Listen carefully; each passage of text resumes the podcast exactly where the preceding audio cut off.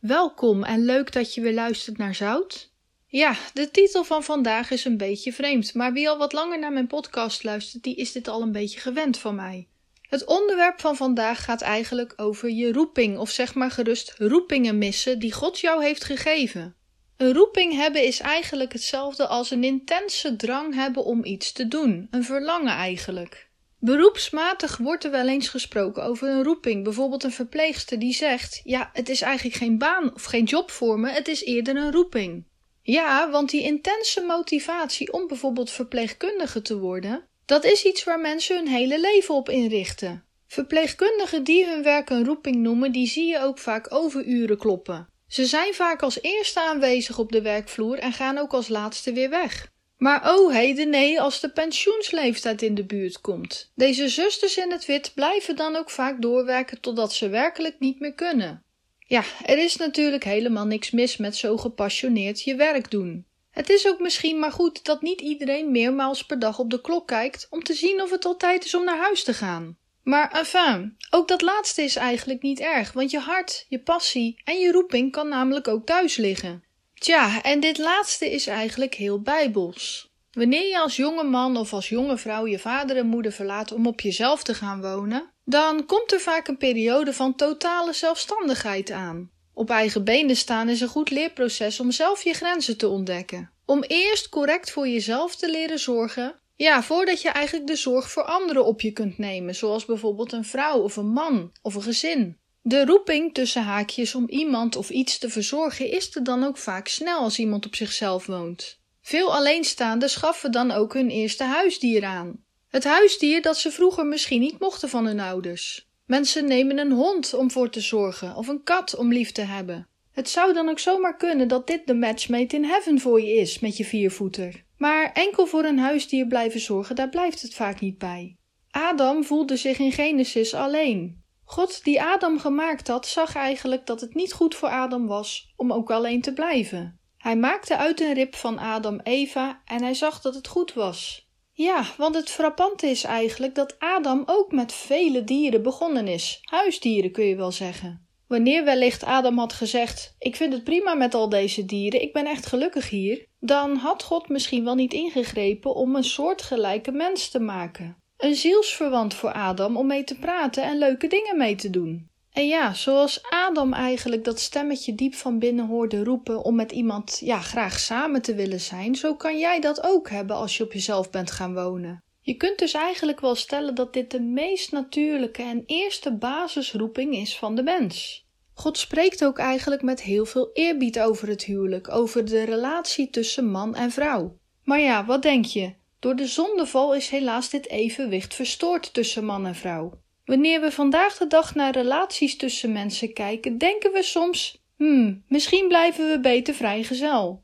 Mannen kunnen helaas vandaag de dag echte klootzakken thuis zijn. Vrouwen hebben een feministisch trekje in zich. De gelijkgerechtigheidsstrijd is groot. Neem bijvoorbeeld de emancipatierechten. Anno 2021 voelen mannen zich vaak thuis een huissloof. De lat voor beide seksen ligt enorm hoog. Mannen moeten alles in het huishouden kunnen doen, voor de kinderen kunnen zorgen en ook nog brood op de plank brengen. Terwijl vrouwen dit ook alles moeten doen, maar ook nog eens carrière moeten maken. Als vrouw moet je je drie keer in de ronde kunnen werken, maar er wel fantastisch uit blijven zien. Ja, het mag misschien raar klinken, maar God heeft deze lat eigenlijk niet eens zo hoog gelegd voor ons. Het zijn wij mensen die deze lat enorm hoog geplaatst hebben. Al limbo dansend proberen we er soms onderdoor te komen. Want ja, een huwelijk goed laten slagen, een goed huishouden kunnen runnen, is eigenlijk de eerste roeping die God ons geeft wanneer we iemand tegenkomen. Wanneer we dus eigenlijk een commitment, een verbintenis met iemand aangaan, dan krijgen we van God meteen de opdracht mee om eigenlijk goed voor die persoon te zorgen. Zo wordt er dus in de Bijbel ook gesproken dat de man het hoofd van het gezin is en de vrouw de helper. En ja, ik weet dat dat misschien een klein beetje raar kan klinken, een helper van. Maar vergis je niet, de rol van de vrouw wordt zeker niet ondergedaan ten opzichte van de man. Misschien kun je eerder stellen dat naast een goede directeur een goede bedrijfsleidster staat. Want ja, zeg nou zelf, waar iemand is die helper is, is er ook iemand die hulp nodig heeft. Als vrouw zijnde kun je dus eigenlijk wel stellen dat de man het niet redt zonder jouw hulp. Ja, en hoofd van je gezin zijn wil niet zeggen de baas zijn. Zelf lekker de dienst uitmaken en kunnen doen waar je zin in hebt. Nee, hoofd van een gezin zijn als man zijnde is zin hebben voor verantwoording. Je bent de kostwinner en je staat financieel in voor iedereen die bij jou in huis woont. Als hoofd van het gezin ben je redelijk, heb je een rechte rug, maar je bent ook emotioneel stabiel en in balans. Dus ja, je kunt eigenlijk wel stellen dat dit een heel belangrijke taak is binnen een gezin. Je kunt dus eigenlijk wel stellen wanneer dingen uit elkaar beginnen te vallen, je financiën niet op orde hebt, ja, dat dit eigenlijk aan je eigen slechte leiding te danken is. Wanneer je ongetrouwd bent en geen gezin hebt, heb je eigenlijk alleen de zorg voor jezelf te dragen en niet voor de mensen die bij jou in huis wonen, zoals je vrouw en je kinderen. Echtgenoot zijn en vader worden is dus eigenlijk iets heel heiligs. Het is een taak die niet voor iedereen is weggelegd. Maar goed, omdat God weet dat directeur zijn van je eigen gezin een heel zware en soms ook moeilijke taak is, heb je je bedrijfsleider, je vrouw zeg maar, dus echt nodig. Zij is dus in dit geval je helper. Ze zorgt dat je gefocust blijft. Ze neemt als het ware de facilitaire diensten in het huis over, zoals koken, schoonmaken en voor de kinderen zorgen. Je kleine bedrijfsopvolgers van de toekomst kun je wel zeggen. Want ja, ook je kinderen nemen aan jou een voorbeeld. Hoe jij het gezin runt, hoe jij het gezin leidt, zo zullen zij ook gemotiveerd in het leven staan. Ze zullen aan jou een voorbeeld nemen. Maar wees gerust, als vrouw speel je ook een heel belangrijke rol in je gezin en ben je wel meer dan alleen de dienstbode. Een bedrijfsleidster staat namelijk voor meer in dan alleen de huishoudelijke taken. De Bijbel draagt vrouwen vooral op om alles met heel veel liefde te doen. Doe uw werk als voor de Here. Kook niet en maak niet schoon met een lang gezicht. Ga ook niet naar je werk als een boerin met kiespijn. De Bijbel zegt ook: vrouwen, heb uw mannen lief. Toon respect naar uw mannen. Ja, God bedoelt hiermee eigenlijk dat dit geen optie is, maar een opdracht. We moeten onze mannen lief hebben. We moeten respect opbrengen voor onze mannen. Ja, we moeten ook onze mannen helpen waar we kunnen. Niet alleen met de was en de plas doen, maar ook als het op financieel vlak van ons gevraagd wordt. Tja, en je zal ook zien wanneer man zowel vrouw eigenlijk deze opdrachten van de Bijbel van de Heer naar alle behoren goed vervullen, dan zal er ook niks spaak lopen. De rolverdeling hoort nou eenmaal in balans te zijn. Ik weet dat we anno 2021 voor gelijke rechten aan het vechten zijn, maar mannen en vrouwen verschillen nou eenmaal heel erg veel met elkaar. Mannen doen niet onderaan vrouwen en vrouwen doen niet onderaan mannen. Dat is iets wat ik zeker met je eens ben. En dat is ook gewoon een gegeven. Dat in de Bijbel staat er ook niet dat de vrouw minder waard is dan de man of vice versa. Maar wie bijvoorbeeld 1 Petrus 3 vers 7 neemt, die leest ook: Mannen gaan verstandig met uw vrouwen om. Ze zijn brozer dan u. Ja, eigenlijk wil Petrus hiermee zeggen dat een vrouw gewoon veel gevoeliger is. Als vrouw leef je veel meer op je gevoelsmeter, veel meer uit je onderbuikgevoel dan een man. Kijk, het wil natuurlijk niet zeggen dat mannen gevoelloos zijn, maar mannen staan anders in het leven dan vrouwen. In ditzelfde Bijbelboek Petrus heeft Petrus ook een goede raad aan alle vrouwen. In 1 Petrus 3 vers 1 staat er namelijk: Vrouwen, erken het gezag van uw man. Nou, en ik weet dat het woord gezag bij sommige mensen een beetje de rillingen over hun lijf kan doen lopen, maar gezag wil eigenlijk gewoon zeggen een aanvaarde macht, een persoon die in staat is om een groep te leiden, oftewel een gezin te leiden in dit geval, of leiding te nemen over zijn vrouw. Nou, en voor wie het nog steeds niet begrepen heeft, leiding geven is niet hetzelfde als de baas spelen. Net als op een werkvloer heb je bazen tussen haakjes en leidinggevenden. Een zogezegde baas kijkt alleen maar wat goed en wat aangenaam voor hemzelf is. Een leidinggevende kijkt naar de hele groep. Wat is aangenaam voor ons? Wat is voor ons de beste beslissing? Wanneer we in Petrus lezen wat een man en een vrouw eigenlijk horen te doen naar elkaar, dan moeten we er wel eventjes van uitgaan dat de dingen in balans zijn. Respect hebben voor je man is natuurlijk een heel mooi gegeven, maar respect moet je naar mijn zin zien altijd nog verdienen. Wanneer je als man eigenlijk schofterig met je vrouw en je gezin omgaat, dan hoor je die respect eigenlijk niet te krijgen. Iemand emotionele medailles toe-eigenen voor niet goed behaalde prestaties is geen goed idee. Een vrouw daarentegen die geen echte steun voor haar man is, die het huis verslonst, de kinderen aan hun lot overlaat, is ook geen situatie om de vlag bij uit te hangen. Ja, want ik ken ze wel, dit soort vrouwen. Vrouwen die thuis alles voor het zeggen hebben. Vrouwen die de broek dragen. Vrouwen die de lakens uitdelen, maar dan wel emotioneel en niet letterlijk. Je kunt dus wel nagaan dat wanneer een vrouw eigenlijk de positie van bedrijfsleidster afzet en de plaats van de directeur inneemt, dat de dingen beginnen scheeflopen. Ja, maar Helene, kan een vrouw dan geen leiding geven? Ja, een vrouw kan zeker leiding geven. Maar wanneer ze trouwt, wanneer ze dus eigenlijk een commitment met een man aangaat, dan wordt ze in Gods ogen automatisch de bedrijfsleidster. Ze is geen directeur meer. Ze is niet meer op zichzelf. Ze heeft nu iemand nodig om haar te helpen en om te helpen. In de Bijbel staat er heel duidelijk dat God de vrouw aan de zijde van de man heeft geplaatst. Dat is haar positie. En als God het het beste weet, waarom zouden wij het dan beter weten? Het lijkt in de tegenwoordige tijd soms wel alsof vrouwen steeds mannelijker worden en mannen worden steeds vrouwelijker. De moderne man van tegenwoordig moet van alles over het strijkwerk en de wasmachine kennen. Ze moeten potjes eten koken, maar dat wel een beetje gezellig op een bordje neerleggen. Niet zo van, uh, ja, hup, op een bord of zo. Vrouwen maken tegenwoordig carrière, ze bekleden topposities. Veel vrouwen maken lange werkuren en zijn veel van huis weg. De bewijsdrang van vrouwen is ontzettend groot anno vandaag. Ook wij vrouwen kunnen die baan aan. Ook wij vrouwen kunnen een topfunctie bekleden. Kijk eens, we zijn hetzelfde als mannen, we zijn equal. Ja, hoe frappant is het dan dat de Bijbel juist die seksenverschillen ontzettend beschrijft? De vrouw die zoveel brozer is dan de man, zegt Petrus. De Bijbel spreekt erover dat de man financieel zijn gezin moet onderhouden. Hij is een leider, hij is een priester in het gezin en hij is het hoofd. Wat een disbalans krijg je dan als mannen niet meer willen werken? Als mannen eigenlijk liever tijd met vrienden doorbrengen of in de sportclub dan thuis in het gezin. Mannen die geld verkwisten aan onzin. Mannen zonder ruggengraat die als een kaart huis in elkaar storten wanneer je ze ter verantwoording roept. Tja, oversensitieve mannen en bitchy vrouwen is nou eenmaal niet iets wat de Bijbel vertegenwoordigt. Ook daarentegen vertegenwoordigt de Bijbel geen dominante mannen, geen mannen met een autoritaire houding naar hun vrouw of gezin. De Bijbel is niet dol op mannen die dictators zijn. Vrouwen die dan slaafse houdingen aannemen, die onderdanig zijn in plaats van nederig, want nederigheid komt voort uit liefde en onderdanigheid uit angst, is ook geen ideaal beeld van de Heer. Vrouwen die kruipen voor hun man, die angstige gedachten hebben bij het alleen al thuis horen komen van hun man, dat is niet wat Jezus, is niet wat God zo bedoeld heeft. De eerste roeping van man en vrouw, gehuwden zal ik wel zeggen, is eigenlijk het elkaar liefhebben, het zorg dragen voor elkaar. Zachtmoedigheid is dan ook een woord dat in mij opkomt. Het liefhebben van elkaar zoals God het bedoeld heeft. Nou, jaren geleden heeft Britney Spears een keer een nummer uitgebracht en dat heette I Was Born to Make You Happy.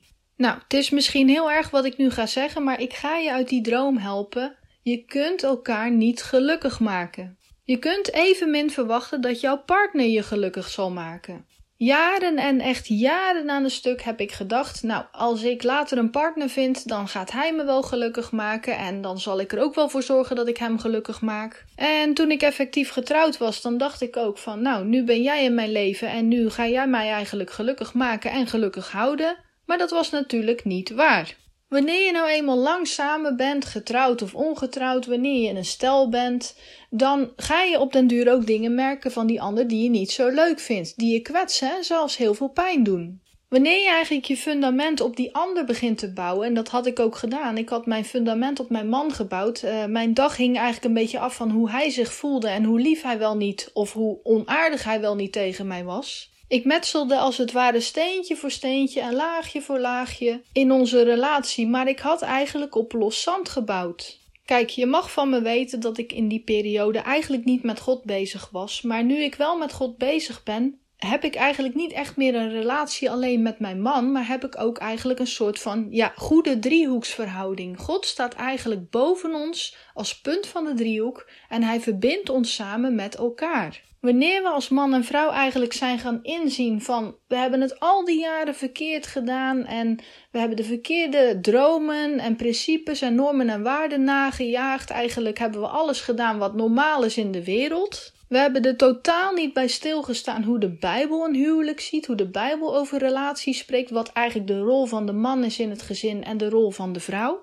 En ja, dat mag allemaal heel ouderwets klinken, maar de Bijbel is van gisteren, vandaag en morgen telt de Bijbel nog steeds. Want God is altijd dezelfde gebleven. Hij wil eigenlijk dat wij zijn Bijbel ja, goed naleven en goed nalezen ook, zodat we eigenlijk ja, onszelf het recht geven op een gelukkig leven en in dit geval ook op een gelukkig huwelijk. De laatste jaren zie je ook ontzettend veel huwelijken sneuvelen. Je ziet eigenlijk de afgelopen twintig jaar dat mensen steeds sneller en steeds eerder uit elkaar gaan. En dat komt ook onder meer eigenlijk omdat die rolverdeling niet meer duidelijk is. Als man en vrouw, ja, man en vrouw, moet je eigenlijk een alleskunner zijn. Soms lijkt het gewoon wel alsof ze ons DNA in een grote blender hebben gedaan en dat we eigenlijk een soort van ongeslachtelijk moeten zijn. En dat zie je de laatste tijd ook heel erg opkomen, dat mensen gewoon niet meer weten wat ze zijn. Ben ik nu een man of een vrouw?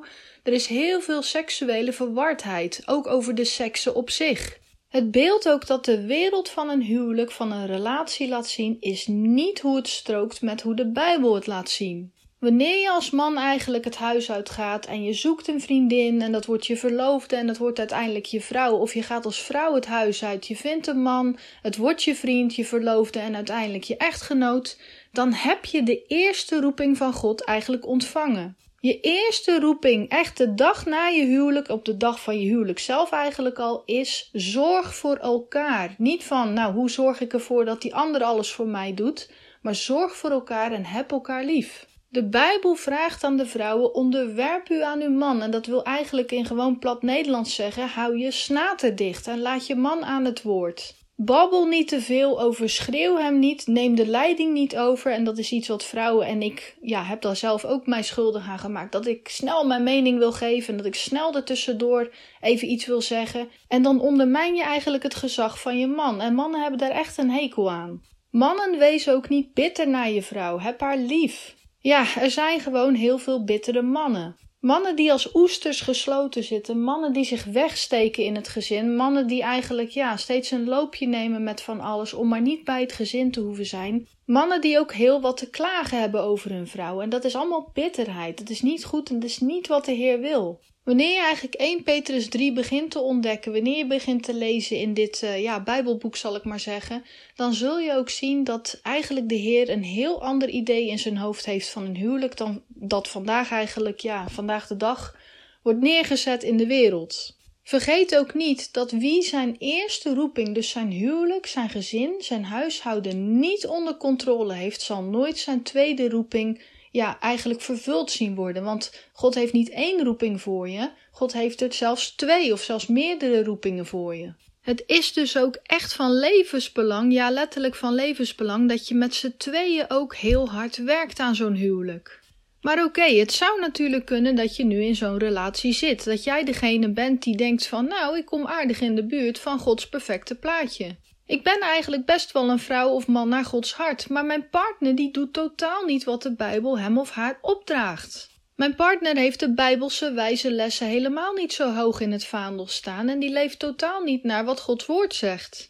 Ja, misschien is je partner wel een christen, maar doet je partner meer wat de wereld voorschotelt dan wat God van ons vraagt. Vergeet vooral niet dat God een rechtvaardig God is. Hij ziet ook dat je struggles hebt. Hij ziet ook dat je problemen hebt met je man of vrouw. En hij ziet ook dat je man of vrouw niet goed bezig is. Wanneer man en vrouw duidelijk niet dezelfde lijn volgen, niet hetzelfde pad bewandelen, dan noemt de Bijbel dit ook wel een ongelijk span. Een span is eigenlijk iets waar de Bijbel over schrijft dat twee ossen ingespannen zitten. Ze zitten samen in een span, maar als de ene os iets sneller wandelt of iets sneller loopt dan de andere, dan moet de ander meegetrokken worden. Het is eigenlijk zowel een last voor de os die wordt meegetrokken, want die moet eigenlijk ja in beweging komen omdat die andere zo hard loopt. Maar die andere os, die dus eigenlijk wel op het goede tempo zit, die moet eigenlijk een zware last met zich meesleuren, letterlijk. Je kunt een partner die niet mee wil ook wel vergelijken met een caravan die op de rem staat. Je wil als auto eigenlijk ja, vooruit rijden, maar die caravan die sleur je letterlijk achter je aan. Het is een ware last in je leven. Veel mannen en vrouwen zitten in zo'n ongelijk span. Het gaat hier vooral over een christelijke man of vrouw met een ongelovige partner. Al is het jammer genoeg ook een feit dat heel veel christenen in een ongelijk span zitten. Soms loopt de ene partner gewoon wat meer voor op de andere in geestelijke groei. Terwijl bijvoorbeeld de man al eigenlijk een tiener in het geloof is, is de vrouw misschien nog een baby. Het is dan eigenlijk gewoon bij dat laatste geval een kwestie van tijd dat deze babychristen op weg gaat naar een kleuter te worden, naar een schoolkind, naar een tiener en uiteindelijk een volwassen christen zal worden. Vergeet hierbij dus ook vooral niet als er een achterstand is, een groeiachterstand, dat je zelf ook een baby geweest bent. Volgend jaar kunnen de dingen totaal anders zijn. Ik heb dit zelf ook in mijn huwelijk ervaren. Vergeet ook niet dat de duivel altijd graag tussen twee christenen stookt, tussen een man en een vrouw die alle twee de Heer willen dienen.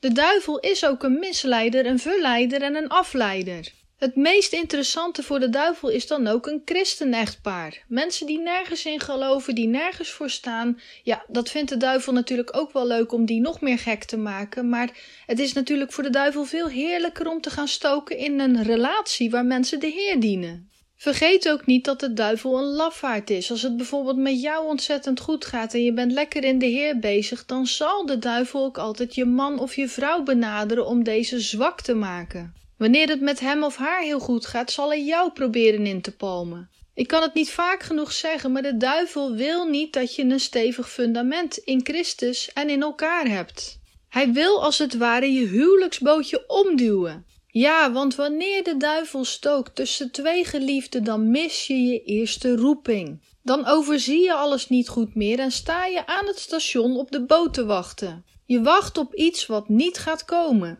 Wanneer het dus thuis niet goed gaat, wanneer dingen chaotisch verlopen, wanneer dingen blijven botsen, wanneer je dingen steeds in een loop ziet weerkeren in een soort spiraal die nooit op lijkt te houden, dan bied je geen goede basis voor het volgende in je leven wat je zou kunnen doen voor de Heer. Een voorgangers-echtpaar dat thuis alleen maar ruzie en ellende heeft, kan ook geen kerk runnen. Kijk, ik ben het met je eens als je zegt: joh, je kunt toch best evangeliseren. Als dat nou eenmaal je roeping is, dan kun je toch eigenlijk wel mensen over de Heer vertellen. Dat kan toch ook een roeping zijn, ook al gaat het misschien niet helemaal goed thuis. Het is inderdaad een feit dat evangeliseren altijd kan, ook als je nog maar net één dag bekeerd bent. Hetgeen wat Jezus voor jou gedaan heeft, hetgeen wat je over God geleerd hebt, dat kun je verder verkondigen naar anderen. Specifieke evangelisatie kan inderdaad een roeping zijn. Je kunt er tussen haakjes echt een ja, vakspecialisme van maken om bijvoorbeeld de hele wereld over te trekken. Je kunt het zogezegde missionarissenwerk gaan doen. We worden immers in de Bijbel ook aangezet om het woord van God verder te vertellen, om het te gaan verkondigen. Het is eigenlijk een oproep naar iedereen. Tja, het evangeliseren is één ding, maar wat als we ons geroepen voelen om bijvoorbeeld gezinspastoraat te doen? Huwelijkscounseling? Of wat dacht je van de bediening van bevrijding? Mensen helpen die met gebondenheid lopen. Ja, die laatste drie zijn natuurlijk moeilijk als het thuis niet echt lekker loopt. Wanneer iemand toch deze bedieningen tegen beter weten in gaat doen, is het net alsof deze een huis wil aanbevelen dat eigenlijk een bouwval is. Ze zeggen immers niet voor niets: aan een mensenleven kun je pas zien hoe groot God is. Als je ziet dat er een zegen over iemands huishouden rust, dan nemen mensen het nou eenmaal eerder van je aan. Want wees eerlijk, zou jij bij iemand op huwelijkscounseling gaan waar het thuis altijd bombardie is? Nee, wanneer de dingen stabiel gaan in onze levenswandel samen met onze partner, dan zullen we zien dat onze volgende roeping al snel zal volgen. Het is ook niet voor niets dat God vaak echtparen inzet. Dat kerken vaak spreken over een oudste echtpaar, een voorgangers-echtpaar. Want geloof me, ook in je bediening, ook in je roeping, kun je wel wat hulp van je partner gebruiken. Oké, dit was eigenlijk het eerste deel, een beetje lange intro zal ik wel zeggen, van je eerste roeping, als je dus gehuwd bent, dan heb je je eerste roeping eigenlijk al te pakken van God. En het is gewoon heel belangrijk om God eigenlijk hier hulp bij te blijven vragen. Dit is zo'n belangrijke roeping. Ik weet, mensen zeggen wel eens: ja, je bent gewoon getrouwd, dat is toch niks bijzonders? Nou, dat is effectief heel bijzonder. Niet iedereen is voor een huwelijk weggelegd, niet iedereen is voor kinderen of een kind weggelegd. Ik kan ook uit eigen ervaring spreken dat een huwelijk best hard werken is, maar dat het ook heel fantastisch kan zijn. Maar goed, Helen, ik ben alleen of ik ben inderdaad die stabiele persoon in het huwelijk, mijn partner is stabiel. En dan? Hoe kan het dan toch zijn dat ik dan toch mijn roeping mis? Nou, hoe het komt dat veel mensen hun roeping toch missen of er net naast grijpen, dat komt eigenlijk door het volgende. Wanneer je Gods stemgeroep wil verstaan, moet je echt in relatie staan met Christus. Wie al vele podcasts van mij geluisterd heeft, die weet dat ik eigenlijk pleit voor een echte relatie met God en geen religie. Religie hebben is eigenlijk iets afschuwelijks dat gebaseerd is op wetten en regeltjes en vooral voor anderen zeg ik altijd. Religie is eigenlijk iets wat de politie handhaaft. Je mag niet door rood rijden, je mag niet te snel, je moet oversteken op het zebrapad en niet ergens anders. En in de tijd van Jezus had je ook zo van die politieagentjes. Ze noemden ze ook wel de fariseeërs of schriftgeleerden. Deze zogenaamde schriftgeleerden die kenden de Torah van binnen en buiten. Jezus werd daarom ook vaak aangevallen met woorden die uit het woord kwamen. Maar ja, goed, wie Jezus ook een beetje verder heeft leren kennen doorheen de verhalen, die weet ook dat eigenlijk ja, de fariseeërs ook vaak ja, te kakken gezet werden, omdat Jezus altijd een passend weerwoord had, dat ook gewoon de waarheid was. Een echte relatie dus met God hebben met Jezus is dus van uiterst belang om je roeping ook te kunnen verstaan, om Gods stem te verstaan. Het zou heel goed kunnen dat er mensen naar je toe zijn gekomen met een profetie of met een beeld of een visioen of een woord. En ja, dit kan allemaal echt zijn, maar dit kan ook vaak vals vuur zijn, dat het niet echt is. Maar laat ik het ook zo zeggen, verwacht het niet te veel van anderen. Zorg zelf dat je een goede relatie met de Heer hebt opgebouwd. Ooit hoorde ik bijvoorbeeld van een medezuster het volgende. Helaan, ik vergeef je omdat je een zuster van me bent. God wil dat we elkaar vergeven, dus bij deze vergeef ik je. Ja, deze woorden kreeg ik eigenlijk ook nog eens in een berichtje op mijn telefoon. Er was dus geen intonatie van de stem te horen en het was puur tekst voor me.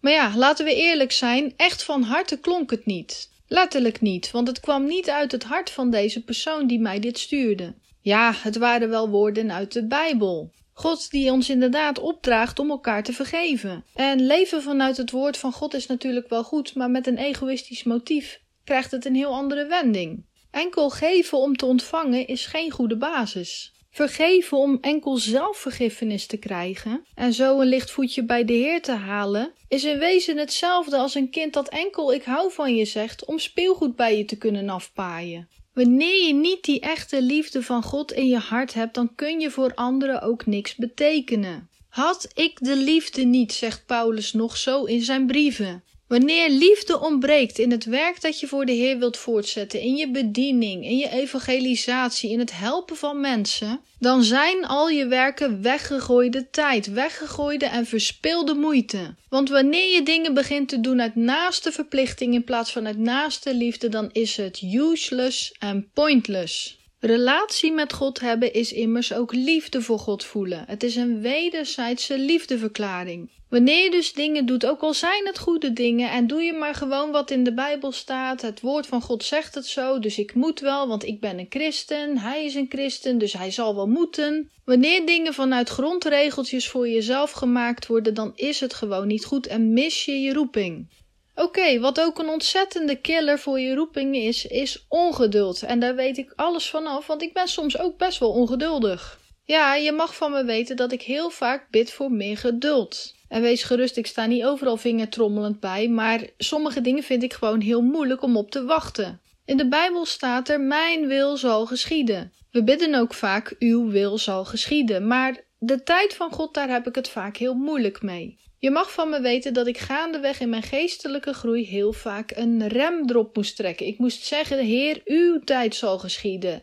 U doet het op uw tijd en op uw manier en ik moet gewoon wachten. Ja, want tijdens dat wachten kunnen er soms mooie dingen gebeuren. We kunnen soms een beetje denken dat God op een stoel in de hemel zit en het een beetje af laat weten. God ligt lekker achterover geleund en wij moeten maar wachten tot de beurt aan ons is. Maar we moeten niet vergeten dat God de aarde en de mens in zes dagen geschapen heeft. Ja, in zes dagen. En moet je eens nagaan als de Heer eigenlijk de aarde in zes dagen geschapen heeft en de mensheid en alle dieren en alles wat er op aarde rondkrioelt en wemelt, wat zou hij dan wel niet kunnen doen voor ons in zes minuten? Oh, die zes minuten die soms zo lang duren. Die zes uur die zo lang duurt en laat staan die zes dagen dat we op een gebed aan het wachten zijn. Wanneer komt u nu eens in actie, Heer? Ik wacht al zo lang. Ja, ons ongeduld kan soms onze roeping in de weg staan. Het doet me soms een beetje denken aan mijn zoontje die ooit een Lego-huis wilde kopen. Zo'n groot pakket, weet je wel? Nou, tussen haakjes genomen, je mag best weten dat hij aardig wat krijgt van ons, maar voor sommige dingen moet hij ook zelf sparen. Zo kan hij ook met geld om leren gaan. Toen mijn zoontje al aardig wat geld in zijn spaarpotje had, kwamen we een keer in een speelgoedwinkel en zag hij daar zijn Lego droomhuis staan. Mama, hoeveel geld heb ik al in mijn spaarpot? Heb ik al genoeg om te kopen? Nou, ik moest mijn zoontje helaas teleurstellen. We hadden een tijdje geleden zijn centjes geteld en het was niet genoeg om dat huis mee te bekostigen. Ik vertelde hem dus dat hij nog een beetje moest doorsparen. Maar goed, naast het Lego-huis wat mijn zoontje zo graag wilde hebben, stond er een soort van Lego-truck. Deze Lego-truck vond hij ook wel mooi, maar het huis had hij toch net iets liever. Maar toch, toch kon hij het niet laten om te vragen wat de Lego-truck kostte. De Lego-truck was iets goedkoper, maar die kon hij wel bekostigen. Hij had wel genoeg geld om deze vrachtwagen te kopen. Ja, en het rare was dan ook bij mijn zoontje. Op een gegeven moment had hij een onweerstaanbare drang om toch iets mee naar huis te nemen. Om toch iets te kopen van Lego waar hij smiddags mee zou kunnen spelen. Mama, zei hij op een gegeven moment, eigenlijk vind ik die truck ook best wel leuk. Ja, maar schat, ik dacht dat je voor dat huis aan het sparen was. Ja, maar mama, ik vind die eigenlijk toch wel mooi. Ik zou die toch wel graag willen kopen. Nou, wie onder jullie luisteraars vader of moeder is, die kan dit ongetwijfeld herkennen. Een kind dat hevig aan het sparen is voor cadeautje A, maar uiteindelijk met cadeautje B naar huis gaat. Ja, mijn zoontje wist het zeker dat hij toch niet wilde doorsparen voor het huis, tot hij genoeg geld zou hebben om dat Lego-huis te kopen. We gingen die middag dus ook met de Lego-truck naar huis en ja, hij heeft daar ook plezier van gehad. Maar toch, toch kon hij dat Lego-huis niet helemaal uit zijn hoofd zetten. Iedere keer wanneer het in een foldertje stond of op televisie voorbij kwam, dan moest hij toch wel eventjes mijn aandacht daarmee trekken van ik vond dat huis eigenlijk toch wel leuker. Oftewel, met andere woorden, als hij een klein beetje meer geduld had gehad en een klein beetje meer had doorgespaard, dan had hij effectief dat huis kunnen kopen. Dan had hij het misschien rond deze tijd al gehad. Tja, en zo gaat het eigenlijk in heel veel christenlevens ook zo eraan toe. Vaak hebben we het geduld niet om te wachten tot God iets voor ons in petto heeft, of wat Hij voor ons in petto heeft. Veel christenen eigenen zichzelf roepingen toe die misschien wel leuk en lekker klinken en misschien op het gevoel wel goed werken, maar uiteindelijk niet Gods doel is. Gods ware roeping voor jouw leven. En je mag ook weten, het is niet altijd een kwestie van geduld, maar het is ook wat God jou voorschotelt, wat Hij jou laat zien. God heeft namelijk het beste met ons voor, maar we zien het niet altijd, want we zijn soms zo op onszelf gebrand. We weten het soms altijd beter. Toen ik mij net bekeerd had, had ik kort daarna eigenlijk een kleine conversatie met de Heer. Ik had eigenlijk een ingeving van hem gekregen van Helen, jij gaat het evangelie gaan brengen, jij gaat evangeliseren.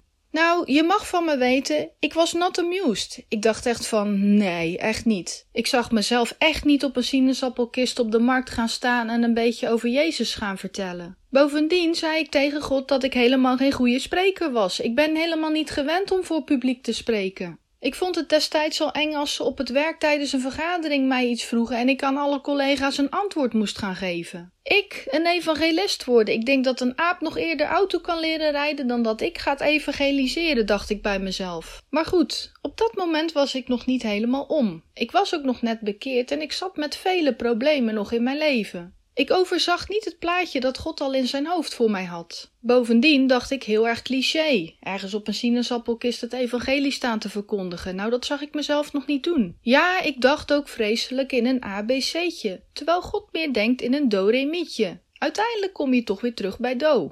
Het zaadje van onze roeping is er bij onze geboorte al ingeplant. Het komt pas op de juiste manier en op de juiste tijd tot rijping. Dus ja, toen ik net bekeerd was, zag ik niet zitten om al voor anderen te gaan spreken, om met andere mensen over het geloof te praten. Een podcast maken met Gods boodschap daarin, dat kwam niet eens in me op. En toch, toch kwam die dag dat ik daar in één keer zin in kreeg. Ik had ineens een brandend verlangen om Gods woord aan anderen over te brengen, ook via de media, ook via internet. Zo is ook zout ontstaan en ik ben daar heel blij mee.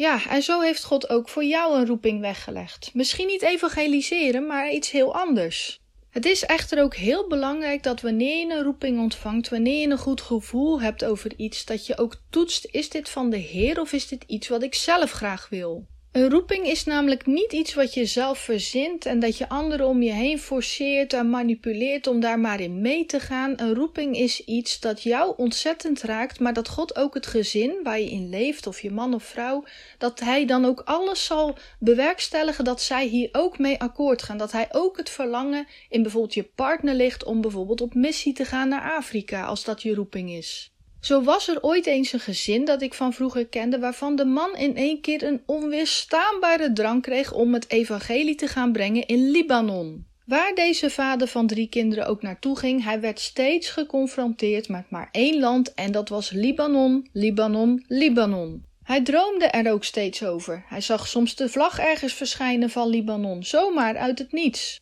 Plots kwam hij ook veel Libanese mensen tegen. En ja, op een avond was het duidelijk voor hem. Hij zat met zijn gezin aan tafel en hij begon spontaan over Libanon te praten. Ik weet niet wat het is, zei hij tegen zijn vrouw, maar ik moet zo vaak aan Libanon denken. Zijn vrouw, die recht tegenover hem aan tafel zat, schrok hevig. Ik ook, zei ze. Ik weet ook niet wat er met mij aan de hand is, maar ik moet ook steeds aan Libanon denken. Ja, natuurlijk een grappig gegeven, maar God had eigenlijk bij beide partners het verlangen gelegd om naar Libanon te gaan, om daarheen te verhuizen en daar het evangelie te gaan brengen. Je zou misschien denken: ja, maar de drie kinderen dan? Ze gaan naar school in eigen land, ze spreken de taal niet. Kun je kinderen effectief uit hun vertrouwde omgeving weghalen? Nou, je mag eerlijk gezegd weten dat de kinderen op dat moment nog vrij klein waren en daar niet echt een mening over hadden, maar jaren later heb ik gezien dat het de kinderen heel goed verging. Je kon echt merken uit de correspondentie dat ze daar echt hun draai hadden gevonden en dat ze werkelijk gelukkig waren. Want ja, wanneer God een roeping voor je in petto heeft, dan zal Hij ook zorgen dat het hele gezin meedoet. Dat je als echt gezin niet uit elkaar getrokken wordt, maar dat je echt als gezin ook samen die roeping en samen dat avontuur, zal ik wel zeggen, aangaat. Maar goed, er zijn natuurlijk ook voorbeelden van zogezegde valse roepingen. Roepingen die niets meer zijn dan een manipulatief spelletje van een persoon en dat God zijn naam daarvoor misbruikt wordt. Helaas zijn er nog veel mensen, ja, en ook in jouw kerk misschien,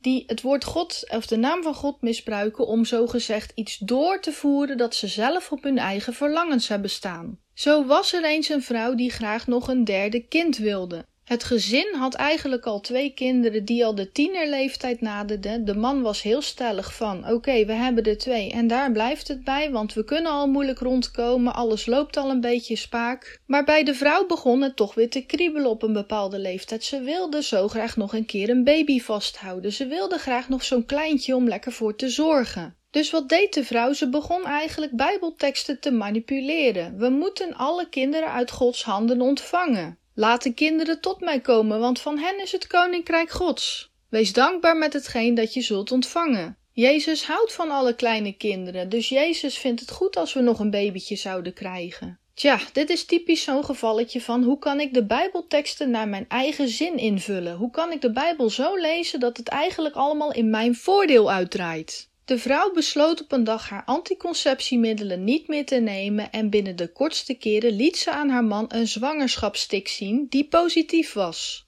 Nou, ik weet dat de man niet boos op zijn vrouw was, maar hij was wel verschrikkelijk geschrokken. Hij wist helemaal niet waar zijn vrouw mee bezig was. Hij had er geen notie van dat ze de pil had weggegooid. De laatste tijd was de man enorm veel bezig geweest om een goede school voor zijn opgroeiende kinderen te zoeken, een middelbare school die veel geld zou kosten, maar nu moest hij ook nog babykleding in gaan calculeren, een wieg kopen, flesjes kopen en allerlei dingen die een baby nodig heeft. Plots moest hij zich bezig gaan houden met dingen waar hij al jaren niet meer zich moest over bekommeren. Maar goed, hij was niet de enige die niet echt amused was. De twee oudste kinderen waren ook niet zo blij met dit heugelijke nieuws, zal ik maar zeggen. Ze voelden zich beschaamd dat ze op deze leeftijd nog een jongere broer of zus zouden krijgen. Ze maakten zich zorgen of er wel een band tussen de baby en hen zou ontstaan, aangezien het grote leeftijdsverschil. Het oudste kind maakte ook een terechte opmerking: bij wie gaat die baby dan gaan slapen? Bij mij op de kamer wil ik haar of hem niet hoor.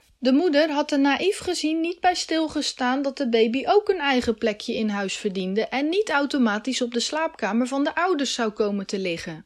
Tijdelijk in een zogezegde co-sleeper kan nog wel, zei de vader, maar wat doen we als hij wat groter wordt? Dan heeft hij toch een eigen kamer nodig en die hebben we niet. Geld voor verbouwing om een muur bijvoorbeeld door te breken of een dubbele kamer ergens te laten maken, dat was er niet. Geld voor verhuizen al helemaal niet. Kortom, het was alleen maar ellende, alleen maar miserie en het was een heel eigengereide en egoïstische ingeving van de vrouw om toch tegen willens en wetens nog een kind te krijgen dat het gezin niet wilde. En dan zeggen: het is een ingeving van God. God wilde dat we nog een kindje zouden krijgen. En ja, het is waarheid dat God van alle kinderen houdt, ook van het ongeboren kind van deze vrouw. Maar op manipulatieve wijze je zin krijgen en de mensen om je heen bespelen is niet wat God wil en is ook zijn roeping niet. Wanneer God een bepaalde roeping voor een gezin heeft, ja, bijvoorbeeld ook een zoveelste kindje erbij krijgen, dan zal God ook de zin en de liefde in dat gezin leggen om dat kindje met alle liefde en verantwoordelijkheid te kunnen ontvangen. God zal ook voorzien in een ander huis of financiële middelen om een extra kamer aan te bouwen. God zal je op zo'n moment ook niet in de steek laten. Maak dus heel goed onderscheid met wat van jezelf komt of wat komt van God. Door een goede band met God aan te houden, dan voel je, dan weet je, dan ervaar je en dan maak je ook mee. Dit is van de Heer en dit is niet puur eigen egoïsme of hoe het mij goed uitkomt. Je kunt niet de hele wereld naar je hand zetten onder het mom van God heeft dit verteld aan mij, God wil dit graag.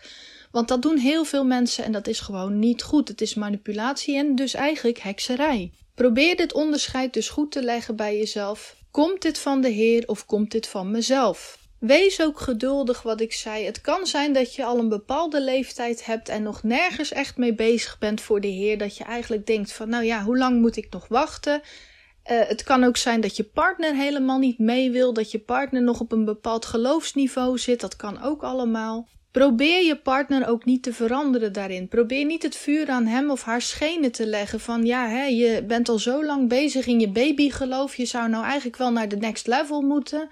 Geloof me, ik heb me hier ook schuldig aan gemaakt in het verleden en dit is gewoon geen goed idee om te doen. Het is ook niet jouw taak om je partner te coachen. De Heer heeft geen roeping gegeven aan jou van oké, nu ga je je ongelovige of lichtgelovige of babygelovige partner gaan coachen. Nu ga jij die motiveren en trainen en als een soort van hondentrainer erachteraan.